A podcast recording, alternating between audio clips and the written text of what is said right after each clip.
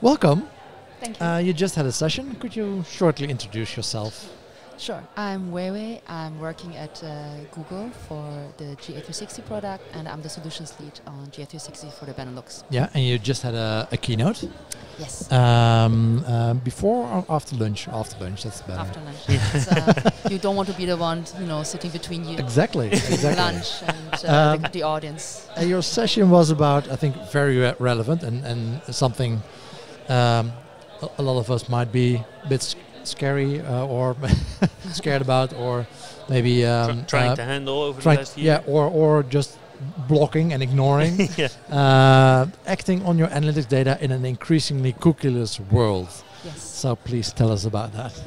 Um, I think I was three weeks ago on the DMEXCO, and half of the sessions actually was about cookieless world. Oh, And really? uh, I think it's a very relevant topic right Yeah. now, especially since the launch of the new ETP and ITP. So I think uh, this is why this topic might be relevant for people and they could be interested in. So this is uh, the reason why we chose this. Yeah. And uh, but still, I mean, we would want to still be relevant to the user, and that's Google always puts the user first. Yep. So uh, in my uh, keynote, I wanted to open up new ideas for what you can do still to be relevant to the user, and yeah, relevant in a way that you can still do something, and you know. The worst would be like going back to the 80s and just have, you know, untailored messages Yeah. just, uh, shouting at you, right? Yeah. Well, the the MOA, the organization behind the conference today, they're already 80 years old. So Okay, they already existed before we had internet. I didn't know about that. no, I, I learned that today too. Ah, okay. And what Um, did they do 80 years ago? What was, Uh, what was well, the vision? uh, well, it's marketing insights, uh, uh, research, and um, analytics. Uh, so more, ago? more in general, yeah. But so uh, uh, more like uh, uh, uh, for magazines or for companies doing marketing in general, of course. Oh, okay. Um, of course, we'll we'll have the luxury today that we have much more data. Yeah, you Um, just forget about this, like you know, that advertising also existed offline there in the 1950s, and Yeah, we, we uh, didn't Yeah. we didn't invent A/B testing online. No. They already did that before with magazines and uh, yeah. I, I just came out of the uh, Getty was doing the uh, session here just right now, and uh, and she's saying about you know how old people actually also do buy online, and that you Yeah. don't wrap your head around. But her 90 year old mother is Yeah. actually ordering clothes online and tries them on, and I was like, yeah, actually, why not? Like, makes sense, right? You don't, Yeah. you're not so flexible anymore. You don't so Exactly, it's physically. So perfect. you these this this is Yeah. not a typical bucket group you think of people who are using online and Yeah. going online shopping. So I was very Exactly. refreshing to have Yeah. the thought. Yeah. Yeah, that's a great example. So Yeah. today, of course, uh, we talk about women in analytics is uh, is also a topic today, Yes. and, and diversity. It's a great topic again for for a segment of your users that you might not think of, Yeah. which might be very relevant uh, uh, to It's like at. not only closing the gender gap, but also the age gap. Or Yeah, yeah. Well, yeah. Gender is just one of the dimensions you can score people on, but Yeah. uh, there are a lot of. Uh, we spoke about age. Uh, like uh, when you, when you're in e-commerce, there's probably a big difference between Yeah. people that already did a purchase, already are clients, or are, are still exploring. Uh, we spoke to Transavia airline, uh, trying to create a different experience for people that bought something, uh, bought a ticket, or people that you know they already bought, bought a ticket and they're leaving in two days. They probably want a different experience. They want, want to check in or Yeah. something, or uh, If physical shops are near you, there's so many ways to segment and to uh, to make sure that you have the right audience and you're not uh, biased in any way. Exactly, exactly. yeah, again, the relevance for the user and Yeah. Yeah. Yeah. So, so back to your talk. Uh, Uh, yeah. yeah. How, how do we create that relevance in a c- more and more cookieless world? Um, so there's yeah, I try to spot like the easy opportunities, like Yep. the low-hanging fruits. S- easy solutions would be go through Google Audiences, where you have already audiences uh, built. Um, you can just easily select them, demographics, affinity in market. Then of course you can use your first-party data. so the best way to measure anyway is that you um, you know use tools which cookies on the same domain as your own website right Yep. so the so-called first party data Yep. and they are also less um, affected by the changes um, the legal and um, technical changes um, you know than the third party cookies Yep. um, and the third one actually is about cloud solutions and what other signals you can use which are out of the box thinking. So um, I uh, we had some case studies um, shown up there where, for example, you can use there's a great case study which actually won also a bronze lion in Cannes this year, um, the Theraflu tracker. So it's um, they they used a lot of data from medical uh, uh, Oh, yeah. institutes. They had weather data social data, search data, and a lot of data points. They could create basically a model which predicted in which o- one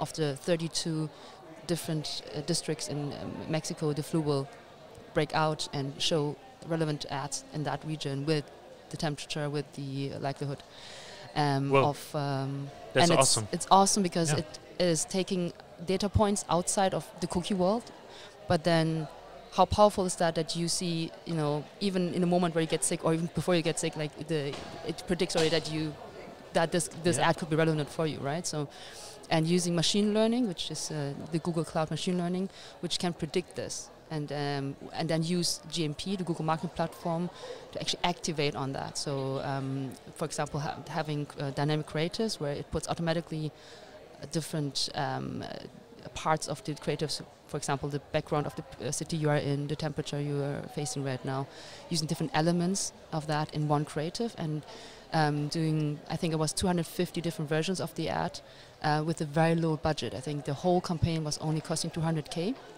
which is very, very um, low on cost. And if you think about this kind of solution, five years ago it cost probably 10 times.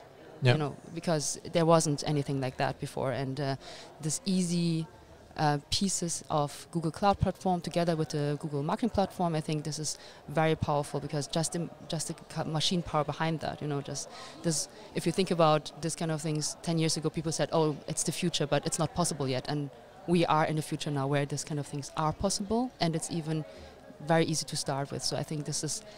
This is the last piece which I, I talked about in terms of solutions, so cloud solutions, um, or using Google Cloud API, um, uh, Vision API, where we can, for example, we had a case study with Unilever Indonesia that uh, during Ramadan they were looking at all the pictures in Instagram and they looked at the different um, uh, products like food and they could use the most popular food in their directly in their ad creatives and saying you're looking for velvet cookies? Here we have a good recipe for you. And i think this kind of things is very powerful because it uses much more data from the outside world and not too much on not relying too much on on, on the uh, the cookie based data Yeah.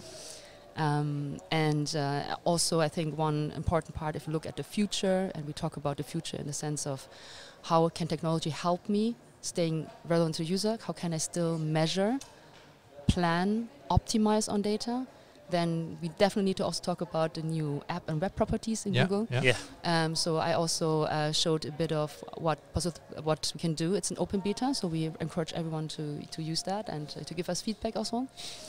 And uh, well, this is also something which we really invest a lot um, into from the Google Yeah. Analytics side. So this is definitely our vision of the future, and um, we will also look into this much more in 2020. So I showed also a couple of um, features we're planning. It's like a bit of roadmap. We're planning what we can expect 2020 to bring for the app and web properties. So um, this was also definitely uh, a topic um, at the end of uh, my keynote.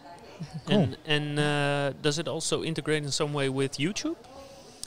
It will integrate with like um, so we are building that product upon uh, Firebase um, modeling and everything we have in the product right now we try to also bring into the new product. So whatever we have on uh, you know GA Classic on the web and on Firebase for app.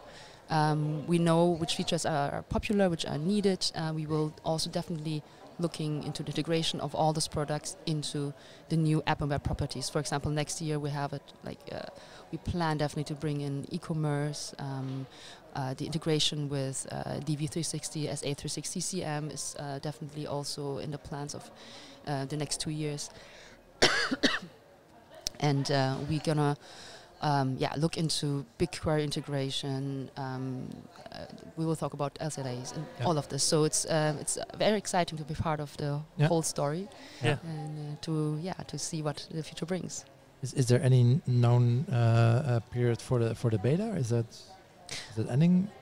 is there, is there we just try to get as many people as possible on it Yeah. now. So just have to learn? to learn exactly. So also part of the new trend words are AI, machine learning, all Yeah. of this. Yeah. But um, taking one step back, what is it actually? What is machine learning? What is AI? It can predict. It can make decisions, millions of decisions um, in in a minute, where you manu- manually would probably not be able to do. And it learns through examples, right? But Yeah. That therefore we need data, a lot Yeah. of, and also not alone the quantity of data, but also the quality of data. So we need Yeah. as many people as possible to to, to just you know try it out, and we can learn from that and make it better. And then that's that's where we are at the stage right now. So this is why it's an open beta. Everyone can just start on it. No, no restrictions in uh, how many visitors your site or shop No. needs, or No, I just Yeah. have uh, the tagging in place, and uh, also if you are doubting of what we can do because you have already a very good property, you know, on your on your web, Yeah. or yeah, um, and you.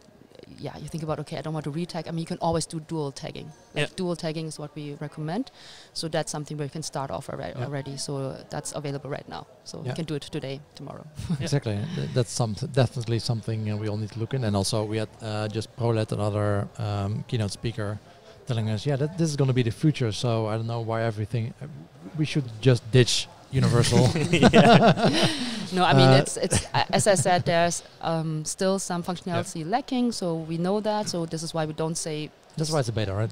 That's why it's a beta exactly. So for example, e-commerce is not there yet. So I think this is a big part of um, of the strategy of a lot of uh, clients, and that's definitely something which Yeah. you should keep doing, and you should not throw away this. But the the move which is upcoming, you should have it in the back of your mind. You should Yep. Yeah. not forget about this, and if possible, start testing that out with like a small branch of your company or with like an, a little, little subgroup of um, of your business, because that is easier if you do like already the first baby steps. Then it's easier to s- at some point switch um, to that. Yeah. So Okay. 2020 sounds like a good year to take the first baby steps. Definitely, Right? yes, yes. Yeah. So 2020 is definitely uh, a year of changes Yeah. for for Google as well. Yeah, Yeah, and, and we had uh, several several guests today talking about data quality, how important. sti- how, how important still that is for many companies. While we, we might feel we need to get out of that stage, we should get out of that stage. Yeah. But I, I, th- I think it's that way in a lot of um, uh, digital fields. I mean, with uh, with search uh, marketing, uh, you know, we also feel like we can do a lot of things, but still a lot of companies don't have the basics uh, set up properly to get the maximum out of it. Yeah. And I think uh, Zero is no uh, exception to that. Yeah, and even previously with, uh, or currently with uh, Google uh, and it's Universal, it's. I mean, y- you still need to manually add events, right? That might um, be partially resolved at least with uh, uh, uh, the new solution. yes. Um, but still, a lot of people using Universal. Yeah, you still you still need to th- some manual work Yeah. uh, if you want to measure what's relevant for you and and uh, how to optimize for it. I mean, we have a podcast about optimization. you, s- you, you you need to base that on on Good Definitely. data. quality data. yes, otherwise, definitely. But also just keep in mind, like the way we track with Google Analytics, it is a structure which has been over 10 years on the market, and you know, like at that moment when it was launched, it wasn't there wasn't even an iPhone, there wasn't a smartphone in the Yeah, world, yeah, right? yeah. So I think w- uh, Apple exists like the first smartphone was it 2007 or so, end of 2007. Uh, apples, yeah, maybe. Yeah. So I think it's I don't use an iPhone. So.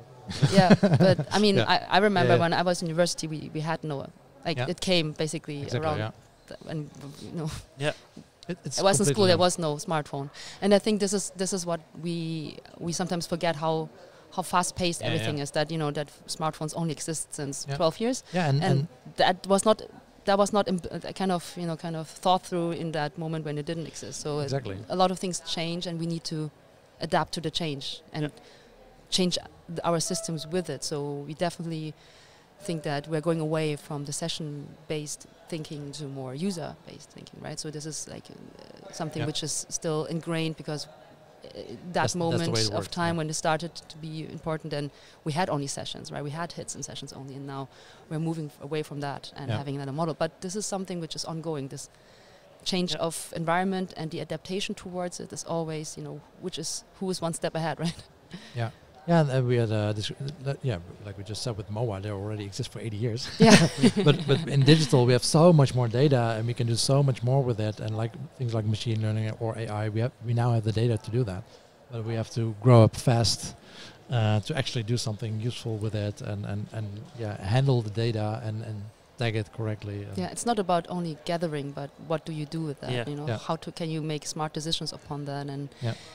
Um, I think this is also the inspirational part, which I, I wanted to bring in. That um, just giving examples of how it can be used and how people actually use that, and maybe people go away with you know this inspiration and create something else themselves for themselves. Yeah. The next step. And I'm wondering uh, because you described basically a, a campaign that cost about uh, 200k. You said. Yeah. Um, is it Google's goal to uh, reduce the cost of such a campaign like as fast as possible, so uh, um, uh, as much as much companies as possible can can use it, or is that it's it, al- it's always about the user, or in this case also the customer. So it, it should be something you think it's useful for you, and it can bring the mo- most outcome for you, either as an advertiser or as a user. Um, so yes, it is in the sense that you make it most profitable for your company, and Mhm. um, you can talk to as many people about your great product you have in the in the best way. So um, reach the right person at the right time Mhm. um, uh, yeah, in the best manner you can do, right? So, and this is something which I think if you see this this kind of ad, you won't feel offended or something. Yeah. Which is like, oh, this is great, actually, right? So it's helpful for me as a user as I see this ad, Mhm. but also uh, helpful for the advertiser because he can make um, smarter decisions. smarter decisions Yeah. and um, giving everyone um, this information basically by predicting it he can add actually this information towards his um, yeah to, ha- to his, his database of users right so But, but is is- there like sort of a, a time frame uh, for when your local butcher shop can uh, can uh, can use something like this? Right now. Right? Yeah. Right well, now. in theory, right now. But I mean, when it's uh, cost effective for them as well. yeah Is there sort of a time frame? Um, I don't I mean obviously this is also uh, individual Really new. decisions Yeah, Of course. and and really new definitely I think in smaller countries like Netherlands, you Yeah. see a lot of innovation happening already, which I think are fantastic. You have a lot of data already, Mhm. um, which is online available for even if I move my house. I mean, uh, in other countries like in Germany, you would have to go to five different, you know, different. Uh, um, town halls to say I moved, and then you have to talk to your electricity provider, to your telephone provider, etc., etc. But in the Netherlands, I, I move, and it's on my DigiD, and it's actually Yep. yeah. my my insurance is updated, my you know like gas bills updated. It's like a lot of things are much more streamlined. So I feel in that moment actually this is helping me, right? Instead of when I move and I have to like you know uh, maybe I forget even two or three Yeah. Yeah, exactly. yeah. point points, and then you know uh, bills end up in the old address and all this. But Yeah. so if used in the right way, I think smart data can really add value to to someone's life. And uh, for me personally, I think this is this was very helpful to see how different yeah c- countries actually manage this kind of um, information and how to make it in a most useful way. And I was uh, positively surprised by you know the, the flexibility and also like the yeah the how, f- how fluid this whole uh, Yeah. information flow was. So I really liked, um, you know, in terms of smart data, you know, kind of way Yeah. how you use this. Yes, it, uh, you know, in the wrong hands, every technology can be, uh, you know, misused. But I think in the right hands, it can give a lot of value. And it's the same with any technology. I think you can, I can give you a Ferrari, but if you don't learn to drive and you, you, you, you, you know, you put that one against the uh, the tree. Uh, I mean, there's also the kind of uh, responsibility of you in the driver's seat to learn to drive properly. Yeah. Yeah. That great technology, right? Fair enough. So um, I think this is always the, the, the debate. You know, how Yeah. to make the data smart and how to make it in the best way. Yeah. Yeah. Th- that's uh, a good point to uh, all uh, think about, I think. Well, Yes. thanks so much. Thank you very much. Thank Um, you Thanks for for your having me. session. Thank and you. Um, I'd say uh, have fun the rest of the day. Yes, thanks you too. Thank you. Bye. Bye bye. Bye bye.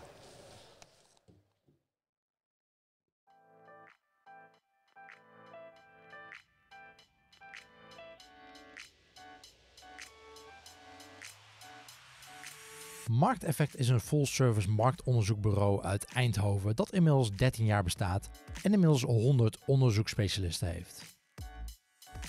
Het bureau is in korte tijd gegroeid naar een van de grootste onderzoeksbureaus van Nederland en voert inmiddels wereldwijd marktonderzoek uit. Vandaag tijdens het Digital Marketing Congres gaan we onder andere in gesprek met Edgar de Beulen, oprichter, eigenaar en CEO van de Markteffect Research Group.